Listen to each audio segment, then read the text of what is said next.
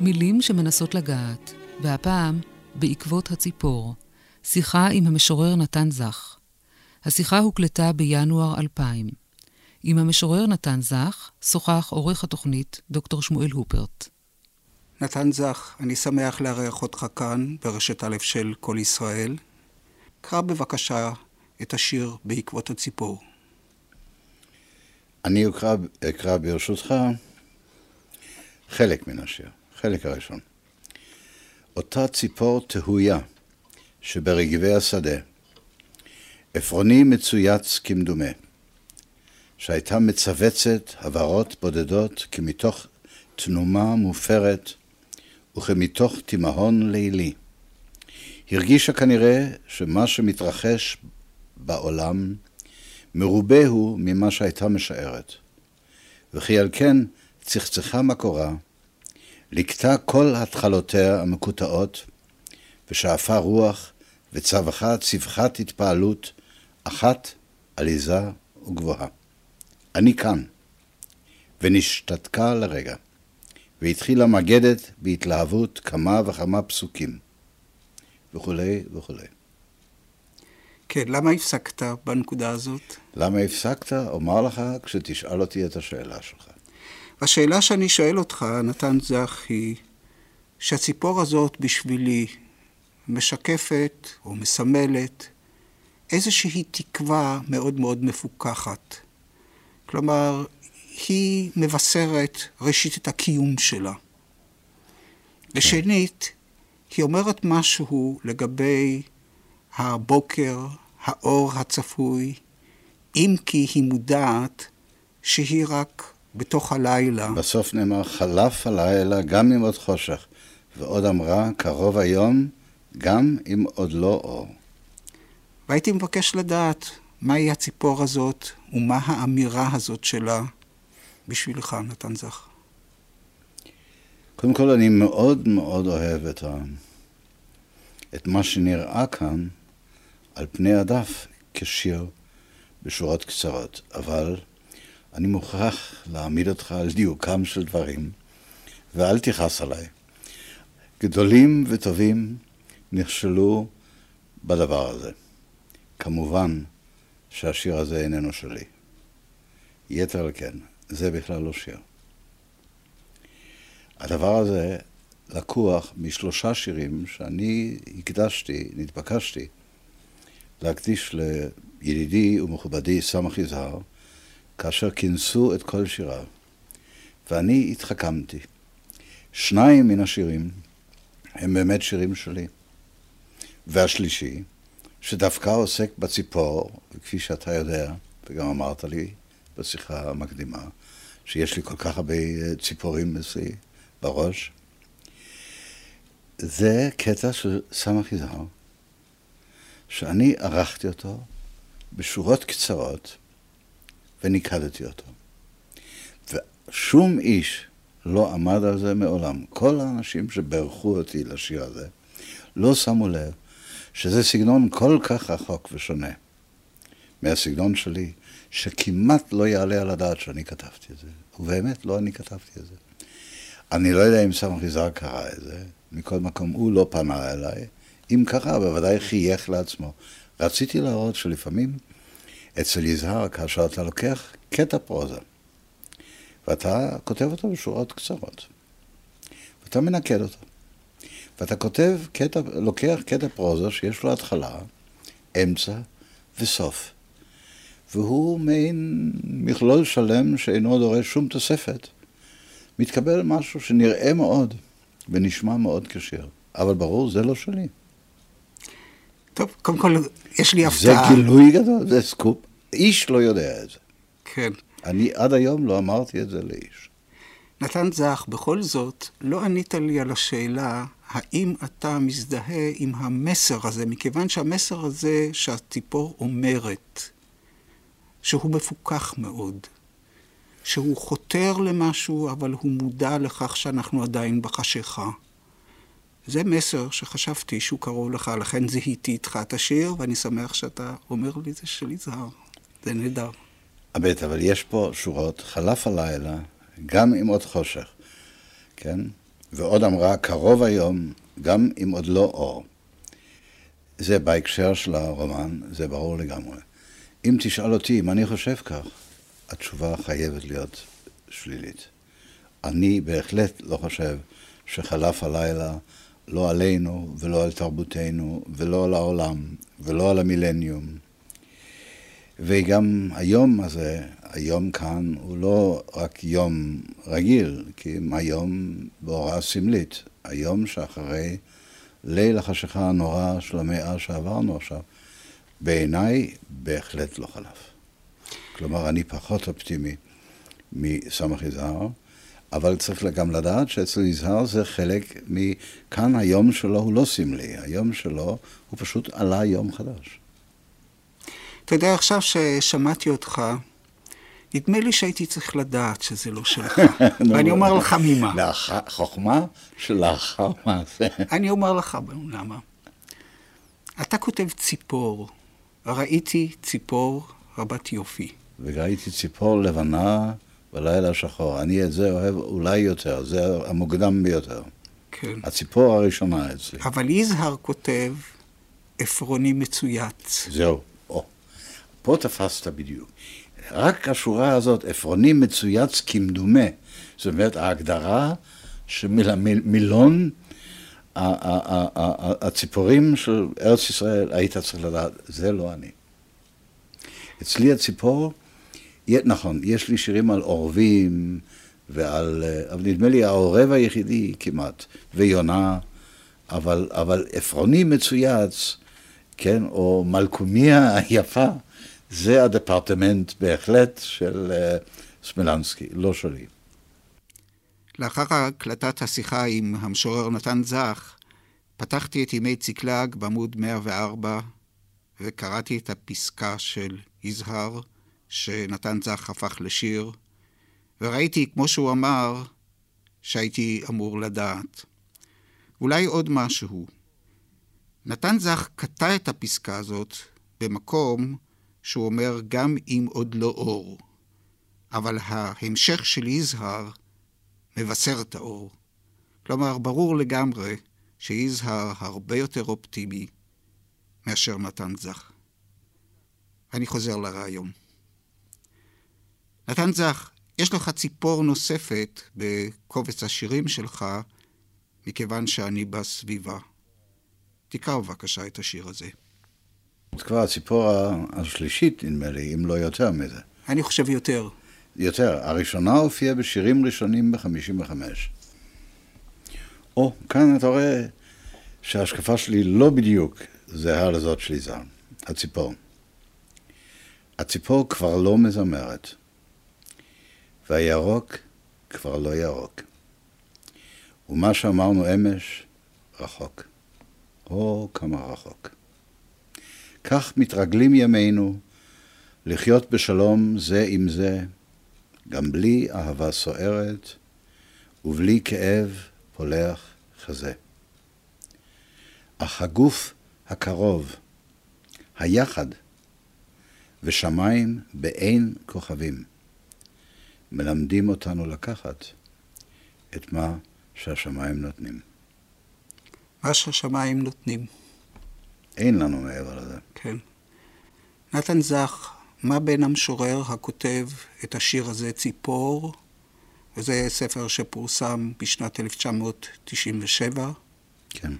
לבין מי שכתב את שירים ראשונים, 55, ושירים שונים, 1960. אתה יודע שכל שבע שנים משתנים כל התאים בגופנו. אז אצלי, בין הציפור הראשונה והציפור הזאת, אה, התחלפו התאים לפחות אה, שבע פעמים. והתאים אה, מעידים על תחלופה גם בדברים אחרים, לאו דווקא פיזית. היו לך אז ביטחונות שהיום אין לך? האמת, לא כל כך. כאשר אני קורא היום, ואני לא לעיתים קרובות נוטל ספר שלי ומתחיל לקרוא שירים מוקדמים, אלא אם כן מבקשים ממני לקרוא, ואז אני רואה. אני תמה על הפסימיות של אדם בן 22 ו-25, שלא לדבר על בן, אדם בן 30. אה, גם אז התחזית שלי, גם לגבי חיי וגם לגבי העולם מסביבי, הייתה רחוקה מאוד מההתלהבות הגדולה, נאמר, של הימים שאחר מלחמת השחרור שבה השתתפתי בעצמי אה, כנער בעצם. גם כן, לא כל כך בהתלהבות ובלי סיסמאות. ומבחינת האמצעים השיריים, ב-40 שנה, נאמר 60, 1997, חלו שינ... אתה מרגיש שחלו שינויים מהותיים? בוודאי שחלו שינויים uh, כבירים. Uh, הספר כאן צריך באמת להשוות בין שירים שונים, 1960, לבין, לומר, כיוון שאני בסביבה, אף על פי שהשינויים כבר ניכרים בצפונית מזרחית, באידיליות של צפונית מזרחית, הם ניכרים בוודאי בשירים הפוליטיים של אה, אה, אנטי מחיקון. ונקודת המפנה, הייתי אומרת, היא ספר שכמעט לא מוכר, מפני שהוא יצא מהדורה אחת ולא חזרו עליו. וזה במקום חלום, הנסיעה לאיטליה. זה מהווה את נקודת המפנה. השירים המוקדמים נשלטים על ידי מוזיקה, ועל ידי משהו שהייתי מכנה בשם... אין לי מילה אחרת, זה לא נכון יהיה לקרוא לזה סוריאליזם, אבל זה מין סוריאליזם מוזיקלי, ואולי לא סוריאליזם אפילו, מפני שזה תווית יותר מדי כבר שחוקה. אבל הריחוק מן העולם הוא עצום, וההתקרבות ההדרגתית בש... עד לכיוון שאני בסביבה היא, היא, התקרבות ל... לעולם. היא התקרבות לאיזה, למציאות, לאיזה ריאליזם, לאיזה פיכחון שמביא בחשבון לא רק את המצוקה של היחיד ואת. החוויה של היחיד, אני בכלל לא אוהב את העניין של חוויה של היחיד, הייתי אומר הניסיון של היחיד, במובן של experience, לא ניסיון במובן של experiment. אה, אתה מצטט לא פעם את בלייק, אז אתה מתכוון ל-songs of experience. Innocence and experience בהבדל אחד, שאם לבלייק היה innocence, לי היה רק experience. אני לא זוכר אצלי הרבה innocence, גם לא בשירים המוקדמים ביותר, זה עניין של אופי. ואולי איזה פרדסטינציה של uh, עברי וכל מיני דברים שאתה רצית לשוחח עליהם, הרגשת עקירה, גלות, uh, כל מה שגורם לאדם לא להרגיש איזשהו ביטחון ב... במקומו, בתבנית נוף מולדתו, ואיננו יודע בעצם אולי מהי תבנית נוף מולדתו, ואיננו יודע איזה שפה הוא ידבר מחר. כאשר הייתי בן שש, אני כבר דיברתי ארבע, ארבע שפות. לא מפני שהייתי פוליגלוט גדול, אלא מפני שאנחנו נדדנו ממקום למקום. וילד קולט מהר מאוד שפות. אז uh, כל מה שחושבים שהיום זה הכישרון שלי לשפות, יש לי כישרון קטן מאוד לשפות. אבל כשאתה עד גיל שש מדבר, שולט, שולט, שולט, כפי שילד שולט, בארבע ואולי ארבע וחצי שפות, אז אה, כמובן שזה לא מקנה לילד ביטח, דווקא ביטחון, זה מקנה ביטחון, ביטחון לפרופסורים. לילד זה בלבול ומבוכה גדולה מאוד. אני התכוונתי לשאול אותך מה שפת האם שלך. אין לי, יש לי שתיים. ובעצם, אם אתה רוצה, יש לי שלוש. שפת האם, במובן המילוני, היא איטלקית. מפני שאימי הייתה איטלקיה. אה, נולדתי, כפי שיודעים, בברלין, אז אם כן דיברנו גרמנית. עם אבא דיברת גרמנית? עם אבי דיברתי גרמנית. הוא כמעט שלא דיבר איטלקית. אבל כשרצה לדבר עם אמי, ושאני לא אבין, אז הם דיברו ביניהם צרפתית. אז זה כבר השלישית הצטרפה. חוץ מזה הייתי שנתיים באיטליה לפני שעליתי ארצה, אחרי שברחנו מברלין. ובארץ הצטרפה העברית, ישבתי בבית הספר, אה, בכיתה ב' שמו אותי, מפני שהגעתי קצת יותר מבוגר, ואני לא אבין אותי מילה אחת. זה טראומה שאני לא אשכח אותה כל חיי. אני ישבתי בין ילדים, ואני לא, לא הבנתי באיזה שפה הם בכלל מדברים. אני עם כל השפות שאני מביא איתי מאירופה, ואני כאן אה, אה, במידה מסוימת יוצא דופן, וגם קצת, נאמר, קורבן להתעללות קצת של ילדים, שמה פתאום, מי זה הזר הזה? שדחפו אותו. אתה פעם סיפרת סיפור מקסים על השיר אליהו הנביא, אליהו, אליהו התשבי. זה בעיניך סיפור מקסים, זה אחת הטראומות הגדולות של ילדותי. אז היו מנגנים במוצאי שבת את אליהו, אליהו הנביא, ואני שמעתי את זה, וכמובן שלא ידעתי מה זה. ואז פניתי לאביו, ילד פונה לאביו, אביו זה האוטוריטה הגדולה. ואמרתי לו, ואבי לא ידע מילה עברית עד מותו, כמו אמי. ואמרתי לו, תגיד לי, מה זה אליהו הנביא? אז הוא אמר לי, בביט... בביטחון של אב, רב סמכות, אביו של קפקא היה ודאי עונה ככה. מה, זה הש... מה השאלה? אליהו ענבים. וכשחזרנו לבית הספר ושאלו את הילדים מה פירוש המילים האלה, אני אמרתי אליהו ענבים. ומאז חיי בבית הספר לא היו כבר חיים. מילים שמנסות לגעת ברשת א' של כל ישראל. והפעם, בעקבות הציפור, שיחה עם המשורר נתן זך. משוחח איתו דוקטור שמואל הופרט. רומנטיקן מאוחר. פעם כתבתי שאני רומנטיקן חם וקר. לא. אני כבר לא רומנטיקן. זה חלף עבר. רק לפעמים מתעורר משהו מן הרמץ. ומפציר, אולי עוד שמץ. רק שמץ. אולי אתה מוכן להסביר את הניגוד הזה, את הצירוף הניגודי, רומנטיקן חם וקר? באמת, אני בדרך כלל לא מסביר את שיריי, אבל מכיוון שכאן ההסבר הוא כאילו מתבקש, וכל אחד אולי יבין את זה. אה, קודם כל, הצירוף של... אני לא ארצה היום לדבר הרבה על בית הוריי, ואני כבר, מה שהיה לי לומר אמרתי בספר מות אמי. אה, אם תשאל אותי משהו, אז אני יכול אולי לענות, אבל לא, לא אכנס לפרטים.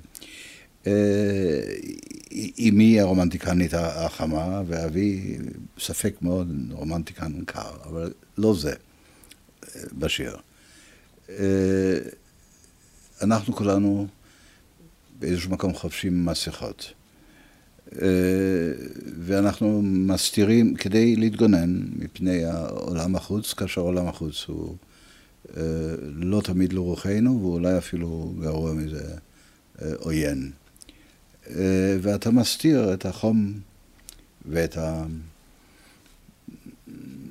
נאמר, את המטען הרגשי, במקרה שלי, הכל כך חזק, על ידי, כלפי חוץ, על ידי המסכה הקרה, ולפעמים המנוכרת, והלא סבל, לא סבלנית, ואולי גם קצת לא סובלנית. אבל בתוכך אתה בכל זאת נשאר אה, מה שהיית, ומה שאתה עדיין, אבל אולי למדת להסתיר את זה. והשיר הזה אני אומר, עכשיו אני כבר לא רומנטיקן בכלל, לא קר ולא חם, מפני שמה שנשאר מן ההתלהבות הגדולה הרגשית, לא ההתלהבות לסובב, כי אם האש שבערה אולי שנים הרבה יותר מוקדמות, זה רמץ, ולפעמים מהרמץ הזה יוצא עוף החול, אבל לעיתים רחוקות. אם כי אתה כותב בהקדמה לספר השירים הזה, מכיוון שאני בסביבה, שעצם מעשה השירה שלך, אתה מודע לכך שהוא משחק באש. כן, אף על פי שיש בו הרבה הומור, שאולי לא שמו לב לזה, ובעיקר בספר האחרון, אבל גם בספרים קודמים. לאו דווקא אירוניה, כולם נטפלו לעניין האירוניה, יש גם הומור, הרבה הומור שלמזלי מאפשר לי לחיות. אני לא יודע אם תסכים איתי, אבל בשבילי אתה משורר רליגיוזי. לא אמרתי דתי, אולי הייתי צריך לומר חילוני רליגיוזי. והנטייה הזאת שלך, הניסיון שלך להיאחז במשהו, שאני לא מכנה אותו כרגע בשם, מופיע בהרבה מאוד מן השירים שלך. אולי המשפט המפורסם ביותר הוא הניסיון לגעת בשולי הדרתו, ולא ברור הדרתו של מי, הדרתו של אב, במובן הרחב של המילה. והייתי מבקש שתקרא שני שירים, ואחר כך, אם תרצה לומר משהו על זה, בבקשה. והשיר הראשון, הזכרת אותו קודם, הוא שערי שמיים. כן, זה שיר מאוחר, והוא אופייני ל... הנה, אתה רוצה לדעת הת... אה, התפתחות וכיוונים אחרים שהבשילו בשירה המאוחרת ולא מצויים בשירה המוקדמת. שערי השמיים. שערי השמיים עניין מאוד כבד. הם לא נפתחים לכל אחד. אומרים שרק צדיקים באים בהם, אבל גם זה לא בטוח. מה שבטוח, שערי האדמה קלים. צריך רק עת חפירה, קצת בטון, ואתה כבר בתוכנית חיסכון. ואם יבואו יום אחד להעיר ולא תרצה להתעורר, אמור רק שאת המשחק הזה אתה לא משחק יותר. כאן כמובן יש uh, התנערות גמורה מכל שמץ של אותה רליגיוזיות חילונית שאתה מדבר עליה בשירים הראשונים. אצל משוררים רבים מאוד, בעיקר בתקופה הרומנטית, ישנה כמיהה למשהו טרנסצנדנטי, למשהו שגדול ממך, גבוה ממך, אולי תקרא לזה גורל, תקרא לזה כוח שאתה לא יכול שלא להכיר בקיומו, והוא איננו בהכרח אלוהים. ואז יש גם אפילו פניות לאלוהים. בשירים המוקדמים אני פניתי לעיתים קרובות. בשירים יש, מופיעה המילה אלוהים. אחר כך, עם ההתבגרות ובחלוף השנים, אמרתי לעצמי, אתה כאדם שאינך אתאיסט גמור, ואינך מאמין באלוהים, ונכון שיש תמיד הצורך באיזה אב עליון, נאמר, ואלוהים איננו אלא הגעגועים שלנו לאב. לאיזה אב רחום, מעניש, ובעיקר אצל מי שהיה אולי איזה חסך קטן באב, אז הוא מגביר. פרויד מסביר את זה יפה מאוד, כיצד כל מושג האלוהים צמח מתוך השאיפה שלנו לאב שיגן עלינו, אב חוסה, אב אה, ש, שייטיב עמנו אם אנחנו נשמור על, על, על הדרישות שהוא דורש מאיתנו. היום אני כמובן שאינני מאמין שאני זקוק לאב כזה, או שיכול להיות לי אב כזה, ולכן השמיים הם ריקים. ומה שבטוח זה שערי האדמה, וכמובן עת חפירה. השיר מדבר על בית עלמין ועל קבורה. זה מה שיש. ואם ירצו עוד פעם להעיר אותך לחיים, משנת המוות, אתה תגיד, את המשחק הזה אתה כבר לא רוצה לשחק יותר. נתן זך, לא נעים לי, אבל אני צריך לחלוק עליך. ואני מבקש לחלוק עליך מתוך השיר שלך. והשיר שלך איננו שיר של אתאיסט, מפני שאתה מניח ששערי השמיים קיימים והם נפתחים אולי לצדיקים. אבל גם אולי- זה לא בטוח, אני כותב. זה, זה שיר שאין בו שמץ של רליגיוזיות. אתה יכול לדבר על רגש רליגיוזי בש, בחלק מהשירים המוקדמים, וגם אז זאת רליגיוזיות מאוד מתמרדת, זאת רליגיוזיות כופרת, זאת בעצם כפירה.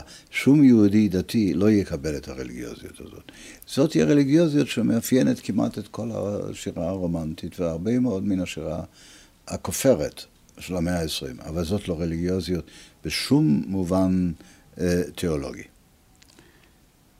עכשיו אולי תקרא בבקשה שיר מוקדם, והוא מתוך אה, שירים שונים, שיר מאוד מפורסם, רגע אחד. רגע אחד. רגע אחד שקט בבקשה. אנא. אני רוצה לומר דבר מה. הוא הלך ועבר על פניי. יכולתי לגעת בשולי אדרתו. לא נגעתי. מי יכול היה לדעת מה שלא ידעתי? החול דבק בבגדיו. בזקנו הסתבכו זרדים. כנראה לן לילה קודם בתבן. מי יכול היה לדעת שבעוד לילה יהיה ריק כמו ציפור, קשה כמו אבן? לא יכולתי לדעת. אינני מאשים אותו. לפעמים אני מרגיש אותו קם בשנתו, סהרורי כמו ים, חולף לידי, אומר לי, בני, בני, לא ידעתי שאתה, במידה כזאת, איתי. את זה יכולת להביא כדוגמה לאותו, לאותה רליגיוזיות כופרת שאתה מדבר עליה. גם במובן הזה של בני אבי, שהוא אבל בני במשמעות- אבי הוא מאוד דו-משמעי, אתה, אתה ודאי מבין את זה. בני אבי זה לאו דווקא לאב ביולוגי, אולי זה גם לאב ביולוגי, אבל בני אבי זה גם, זאתי הפנייה המקובלת של, בתנ"ך, אבל גם בברית החדשה.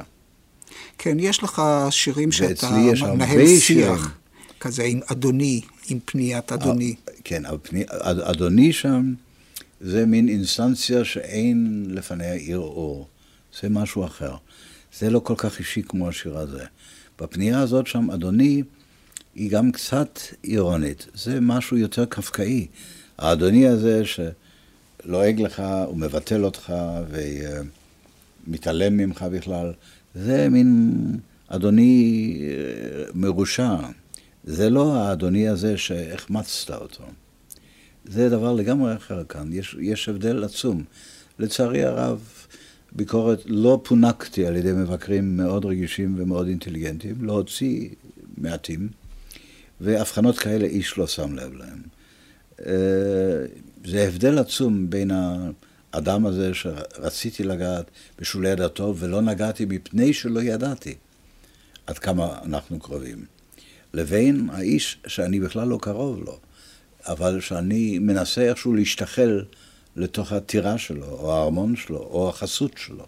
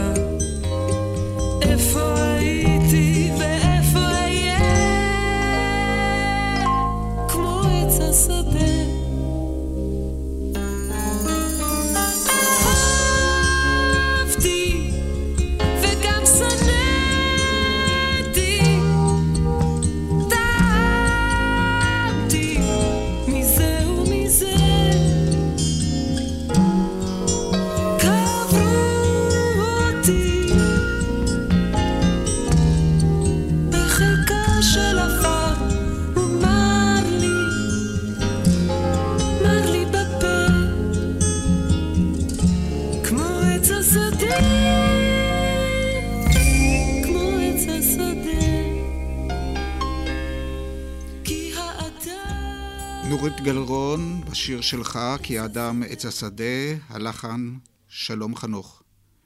נתן זך, קרא בבקשה את השיר. כי האדם עץ השדה. כי האדם עץ השדה. כמו האדם, גם העץ צומח. אתה יודע, קשה לי לקרוא את זה בלי לשמוע מזמזם באוזן הפנימית, מזמזם את המנגינה. כי האדם עץ השדה, כמו האדם גם העץ צומח. כמו העץ, האדם נגדע. ואני לא יודע איפה הייתי ואיפה אהיה, כמו עץ השדה. כי האדם עץ השדה. כמו העץ, הוא שואף למעלה. כמו האדם, הוא נשרף באש. ואני לא יודע איפה הייתי ואיפה אהיה, כמו עץ השדה. כי האדם עץ השדה. כמו העץ, הוא צמא למים. כמו האדם, הוא נשאר צמא. ואני לא יודע איפה הייתי ואיפה אהיה. כמו עץ השדה. אהבתי וגם שנאתי. טעמתי מזה ומזה. קברו אותי בחלקה של עפר, ומר לי, מר לי בפה, כמו עץ השדה. כמו עץ השדה. קודם כל, יש אי הבנה גדולה מאוד לגבי השיר. אה, אני כאן שיניתי, אה, טוב, זה הערה אגבית. בתנ"ך כמובן נאמר שהאדם איננו דומה לעץ השדה. שם זה בסימן שאלה. אני כאן הרשיתי לעצמי, כמו שעמיחי עשה בשירים רבים, אה, לסטות. מצד שני, זה נכתב בעקבות מלחמת לבנון. ולא הוא שם לב כל כך לעניין הזה של קברו אותי בחלקה של עפר ומר לי, מר לי בפה. זה מוקדש לחללי, כמו השיר שבעה ושירים רבים שכתבתי, לחללי מלחמת לבנון. וכל המלחמות של מדינת ישראל, אני ברוך השם השתתפתי בארבע מהן, יש שהשתתפו גם בשש. אה, כאשר הייתה התפוצצות האוטובוס על יד ביתי, כאשר גרתי עוד ברחוב ישראלס בתל אביב, אה, וההמון שהתאסף שם בפיגוע הזה, התחילו כולם, וזה המון שקראו מוות לרבין וכל זה, התחילו לשיר את אה, כי האדם עץ השדה, הייתה לי הרגשה משונה. הרי בעצם אתם לא מבינים שהשיר הזה מכוון במידה רבה מאוד נגדכם. זה לא מתכוון להיות ההמנון של הליכוד, ולכן אתם בעצם לא צריכים לשיר את השיר הזה. השיר הזה הוא נגד הקורבנות, קורבנות השווא של כל המלחמות. מקלטכם מכוון לרשת א' של כל ישראל, וזאת שיחה עם המשורר נתן זך, ואני שמואל הופרט. נתן זך, אולי תאמר משהו על המהפכה של בני דורך בשנות החמישים, מהפכה בשירה, בפרוזה, בשירה כמובן, בשפה, מתמטיקה, בפרודיה. ברור שזו הייתה פריצה, כשם שברור שלרבים מאיתנו אלו היו אולי השנים היפות בחיינו.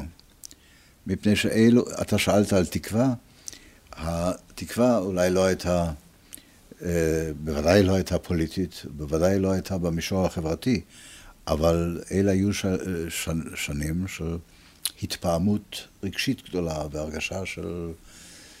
אה, שאתה ממצה את כל מה ששותק בך, ואתה נותן לו ביטוי. אבל מעולם לא עלה בדעתנו אז שאנחנו משנים את פני הספרות העברית. כלומר, זה לא עלה בדעתנו. אנחנו רצינו להציב אה, בצורה די צנועה, ולא כמו שמציגים את זה היום, אלטרנטיבה. הנה, יש לכם את האופציה של השירה המושפעת מן הרוסית, אלתרמן, שלונסקי, במידה רבה לאה גולדברג, שהיא תלמידה של, של שלונסקי. אנחנו רוצים להציב אלטרנטיבה אחרת. אה, אלטרנטיבה פשוט שמדברת אלינו יותר. רק בהמשך בא הניסיון לרבלואציה של כל השירה העברית ולהעלות את השמות של משוררים נידחים ולהעמיד אותם במקום שהם ראויים לו בשירה העברית, בניגוד למשוררים אחרים שאנחנו פחות החשבנו. אה, במקרה שלי, אני לא יכול להגיד שכל שותפיי לאותם שנים אה, הסכימו איתנו. איתי.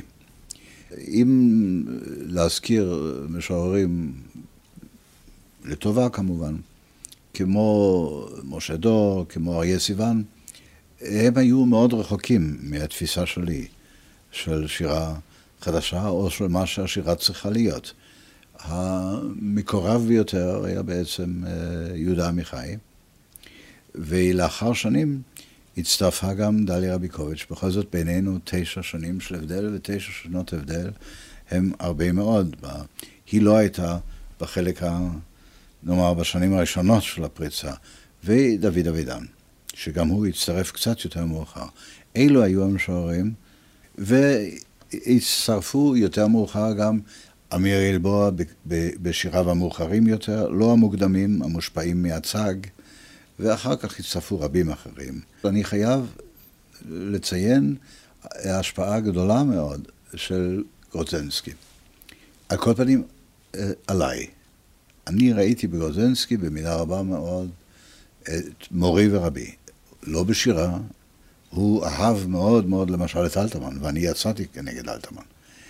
אבל uh, מבחינת האופקים הרוחניים והתרבותיים, הוא היה אולי האדם הקרוב לי ביותר באותם שנים. אבל עמיחי, דליה רביקוביץ' ואבידן נותרו הקרובים לי ביותר. נתן זך, הייתי מבקש אולי שתאמר עכשיו כמה מילים בצורה מפורטת יותר על המשמעות של שירת עמיחי בשבילך. כן, אני אה, יכול גם לומר לך על המשמעות של שירת אה, אבות ישורון בשבילי, אה, ויעקב שטיינברג, וכל המשוררים שאנחנו אז גילינו, ויונתן רטוש. ודוד אש... פוגל שעסקת בו. ודוד פוגל, ובפרוזה ראובני, ומשוררים אחרים, שאנחנו כמעט גילינו, הש... הצלנו מן השכחה. אשר לעמיחי, אני חושב שעמיחי משורר גדול, אני מעריץ של עמיחי. ונדמה לי שתמיד הייתי. אני מעריץ את הצד המיושב שבעמיחי, את, ה, את, את החוכמה המאופקת, את, ה, את זה שעמיחי, בניגוד גמור לי, מעולם לא שיחק באש. עמיחי לא עבר את השנים, ה, נאמר אפילו פרועות, שאני עברתי. ועמיחי לדעתי, כאשר אני חושב עליו בקנה מידה, ועל עמיחי צריך לחשוב בקנה מידה בינלאומי, ולא בקנה מידה ישראלי בלבד.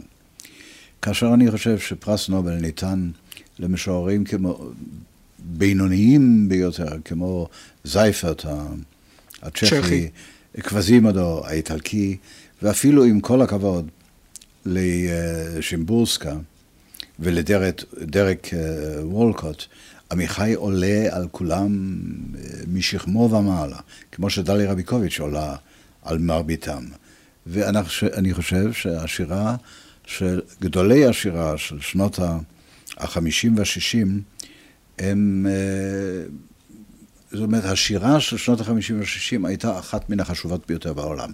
זה שהיא לא פרצה החוצה, ורק במקרה של עמיחי אחר כך בזכות התרגומים המרובים שהוא שקד עליהם, זה היה קצת בעוכריה, מפני שלא הכירו ובידה העברית. עמיחי, לא רק עמיחי המוקדם, גם עמיחי המאוחר, הוא בעיניי נותר, אז מדברים על נפילות, יש לו נפילות, למי אין? גם עמיחי המאוחר, גם עמיחי של לפני ארבע וחמש ושש שנים, עדיין כותב מן השירים המרגשים ביותר שאני מכיר. מה בשירת עמיחי קוסם לך? חוכמת חיים.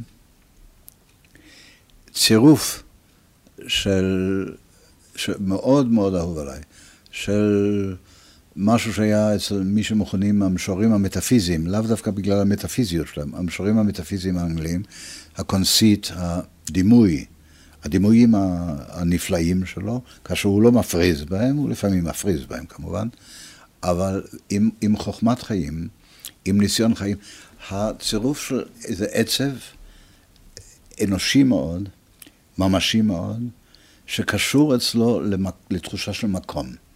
כאשר השירים שלי לא קשורים לתחושת מקום.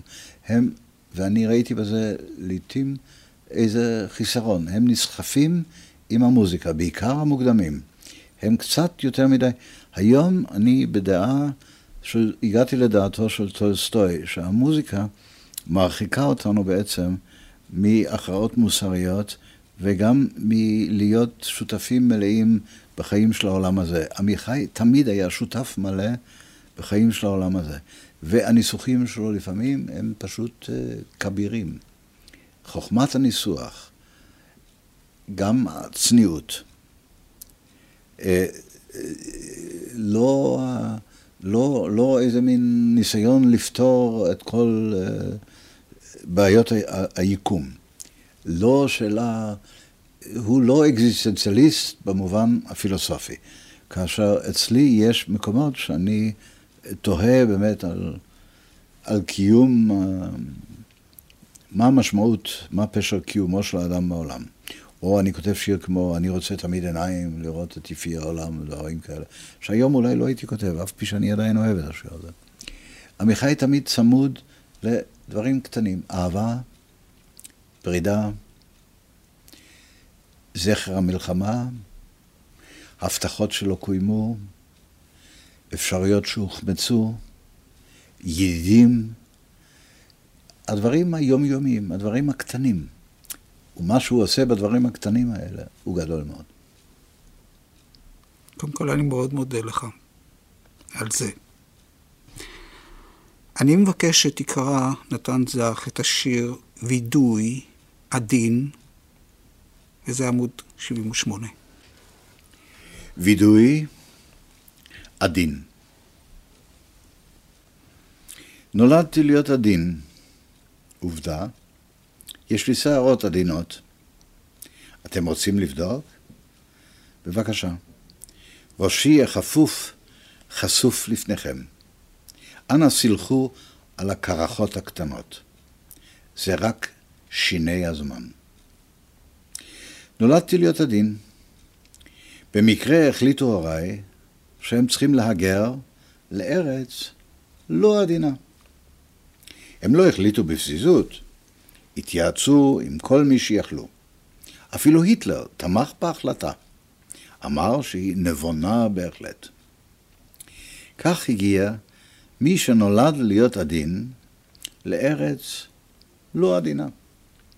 אמרו לי אתם, איזה ברירות היו לי? אני עדיין מסתרק במסרק עדין, מצחצח שיניים, מקריח, מוסר בגדים למכבסה, לא מעליב את השכנים, אלא אם כן אין ברירה. הכל טעות, אמרו. נפלה כאן איזו טעות נוראה. אני עצמי מסתפק בכך שאני צועק בשנתי. מה דעתכם, זה יעזור? אל תצחיקו אותי. אני בן אדם רציני, ואלמלא קילל אותי הדור, והכוונה לדורי, הייתי עונה לכם תשובה מוחצת, אבל אולי לא כל כך עדינה. אתה יכול לתאר לעצמך שאני הייתי כותב דבר כזה לפני 40 שנה? לא, לא. עכשיו, אה, השאלה שמצטרפת לשיר הזה, לשיר הווידואי הזה, המר, במידה רבה. זה שיר מר מאוד, כן. כן. הוא שבעצם אתה... אבל עם קצת הומור, הקרחות הקטנות. אתה רואה, כן. אני מתקרב לאט לאט אל דברים אה, פשוטים יותר מאשר רובינזון קרוזו ודנטס והעולם של המוזיקה הטהורה. השאלה שמצטרפת היא שאלה של בעצם של זהות, זהות שירית. אתה חי פה במזרח התיכון בארץ לא עדינה. אתה נולדת במרכז אירופה, אתה חיית שנים באנגליה, ואתה בכל זאת אומן השפה העברית, אתה משורר מרכזי, עברי. מי כמוך יודע שאסור לשאול אותנו את השאלה לגבי זהות, ואני מאוד מאוד לא אוהב אותה. אתה יודע, אני חי עם שני שמות, אני חי עם שמואל כן, וטומי. אה, לי גם יש. אה, אפילו שלושה, אבל קודם כל... אתה תגיד אותם? בבקשה? תגיד אותם. אני נולדתי הארי זייטלבך, והזך זה פשוט האות הראשונה והאות האחרונה של השם הגרמני. אדם לא קורא לעצמו זך סתם ככה ברצונו, אלא אם כן הוא יותר אה, מגלומן ממה שאני. אה, אני חושב שלצנון ולעגבנייה ולחציל יש זהות מאוד ברורה, ומעבר לפספורט ומעבר למוצא אה, אתני, הזהות במאה ה-20 שלנו נתפקפקה מאוד, אפילו הזהות היהודית. היא מאוד מאוד נעשתה פרובלמטית, ולכן אני אינני יודע אה, אם צריך בכלל לשאול אדם אה, מה הזהות שלך, מפני שבסדר, אז הוא יגיד ישראלי, הוא יגיד ישראלי דתי, ישראלי חילוני. אה, אנחנו ארץ הגירה, ובמידה מסוימת רובנו פליטים, עקורים. עקורים מעולם אחד לאחר, עקורים מתרבות אחת לשנייה, עקורים משפה אחת לאחרת. כאשר נשאלתי פעם על הזהות, אני עניתי, הזהות על מולדת. הרי בעצם אנחנו אומרים מולדת על ישראל, מי שלא נולד כאן. אומר מולדת בצורה פיגורטיבית, פיוטית. זו לא המולדת שלי, כמו שלאה גולדברג אמרה שיש לה יגון שתי המולדות. לא הייתה לה מולדת אחת, היו לה שתיים. ולי אולי היו יותר משתיים, מפני שאני גם לא יכול לראות בגרמניה את המולדת שלי. רק ציפורים הנודדות בין ארץ ושמיים יודעות את זה הכאב של שתי, שתי המולדות. שתי המולדות. כן. כן, אם כן, אה, אני, אני לא יכול לדבר על, על, על מולדת, אבל אני יכול לומר דבר אחד. המולדת שלי היא השפה העברית. והשפה העברית כמולדת מספיקה לי. אני לא זקוק למולדת נוספת, ואני לא אכפה על עצמי, אדם שכל כך הרבה שנים חי מחוץ לארץ הזאת, לא אכפה על עצמי סתם איזו מין זהות שהיא מעבר לפספורט וזה שאני מצביע ו- בבחירות ואני מעורב מאוד, אה, לפעמים יותר מדי. אה, המולדת היא השפה. נתן זך, לסיום הייתי מבקש שתקרא שיר ואגדה מתוך מות אמי. זה ספר שהוא ספר כאוב מאוד בשבילך. אה, אני מתאר לעצמי ששקלת לא מעט אם אה, להדפיס אותו או לא. עיכבתי אותו בערך 12 שנה, נכון? עד שאני לא יכולתי להדפיס, הוא לא נכתב אגב, בשום אופן, בכוונה להיות ספרות, ולא נכתב בכוונה להדפיס, להדפסה. בינתיים הוא אגב שיר שנכתב סמוך מאוד למותה של אמי, בא בשעה שהספר הזה הופיע רק הרבה מאוד שנים לאחר מכן. בינתיים. בינתיים היא חוזרת אליי בכל עת אישן בחלומי, ואני אומר לה, ברוך שובך, בינתיים שבי. והיא מסדרת את הקר כמנהגה, שהרי אין זה טבעי שאם לא תסדר את קר בנה. וכי הבן יהיה זה המסדר את קר אמו. ומוחה זה עתה הכרה, ומחליק עניצי שערה, ומחזיק בידה הקרה, ואומר, אל תראי, במובן של אל תפחדי, אל תראי. המקום שאת הולכת אליו, ממנו לא תחזרי, ריקם, כמו שחזרת פעמים כה רבות. כי המקום שאת הולכת אליו, אין בו תקוות, ולא אובדן, חרטה וצער, אף לא כאב אם. המקום שאת הולכת אליו, לא חסר דבר. הוא מקום שלם. כמעט כמו פסס של ברנקוזי. כאן, אם אתה רוצה, זה כמעט כמו פיוט. פיוט לא בהוראה של, של שירה מליצית. כי זה נכתב מתוך, נאמר, עוצמה ראשית שלא יכולתי בשום אופן להסתיר אותה. וגם לא רציתי. נתן זך, אנחנו נחתום בהגדה. גם ההגדה הזאת היא לא משמחת במיוחד, כיוון שדיברנו קודם על הומור. זאת חתימת הספר. ואני כותב לסיום מעשייה קטנה, כולה פרי הדמיון. היו היו שלושה גמדים, גדול, בינונית וקטן. לגמד הגדול הייתה מיטה גדולה וחדר גדול. לגמדת הבינונית הייתה מיטה בינונית וחדר בינוני. ולגמד הקטן הייתה מיטה קטנה וחדר קטן. הם התגוררו, שלושת הגמדים, בבית אחד. אבל מעולם כמעט לא דיברו זה עם זה. לבד ממילות הנימוסים המקובלות כשהיו נפגשים בבוקר או פונים איש איש לחדרו בערב. וגם לעזור לא עזרו זה לזה, כי קשים מאוד חיי הגמד, ואין לתבוע ממנו יותר ממה שיש לאל ידו לתת. בחלוף השנים נפטרו הגמדים, בזה אחר זה. תחילה מת הגמד הגדול, אחר כך מתה הגמדת הבינונית, ואילו הגמד הקטן, אם עדיין לא מת, אבדו עקבותיו. וכך נתרוקן הבית בין שלושת החדרים, ושלושה אנשים אחרים, לא גמדים, באו להתגורר בו. ואם לא אירע להם דבר, ואני מקווה בכל ליבי שאכן כך הוא, הם עדיין מתגוררים בו עד עצם היום הזה. אנשים שמחים בחלקם, כאילו לא היו גמדים בעולם. אתה רואה, יש לך פה שוב אותו עניין שהבאת בשיר של הציפור, של סמך יזהר, שמצד אחד עדיין חושך, הגמד שלך הלך ונעלם, אבל אתה שמח שיש אנשים אחרים שממשיכים לחיות בבית. זה אולי הפיוס של השנים, נכון? או שאני כואב את כאב היעלמות הגמדים. גם זה יש מקום. ואולי זה יותר חשוב מאשר השמחה על אנשים שאני לא מכיר שהם לא גמדים. אולי ליבי יוצא דווקא אל הגמדים האלה. נתן זך, אני מודה לך מאוד שהיית כאן איתנו. תודה רבה לך, שמואל. בתוכנית מילים שמנסות לגעת התארח הפעם המשורר נתן זך.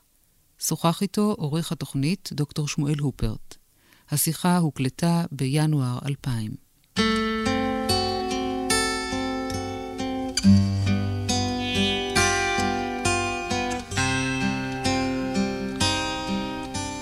כשצלצלת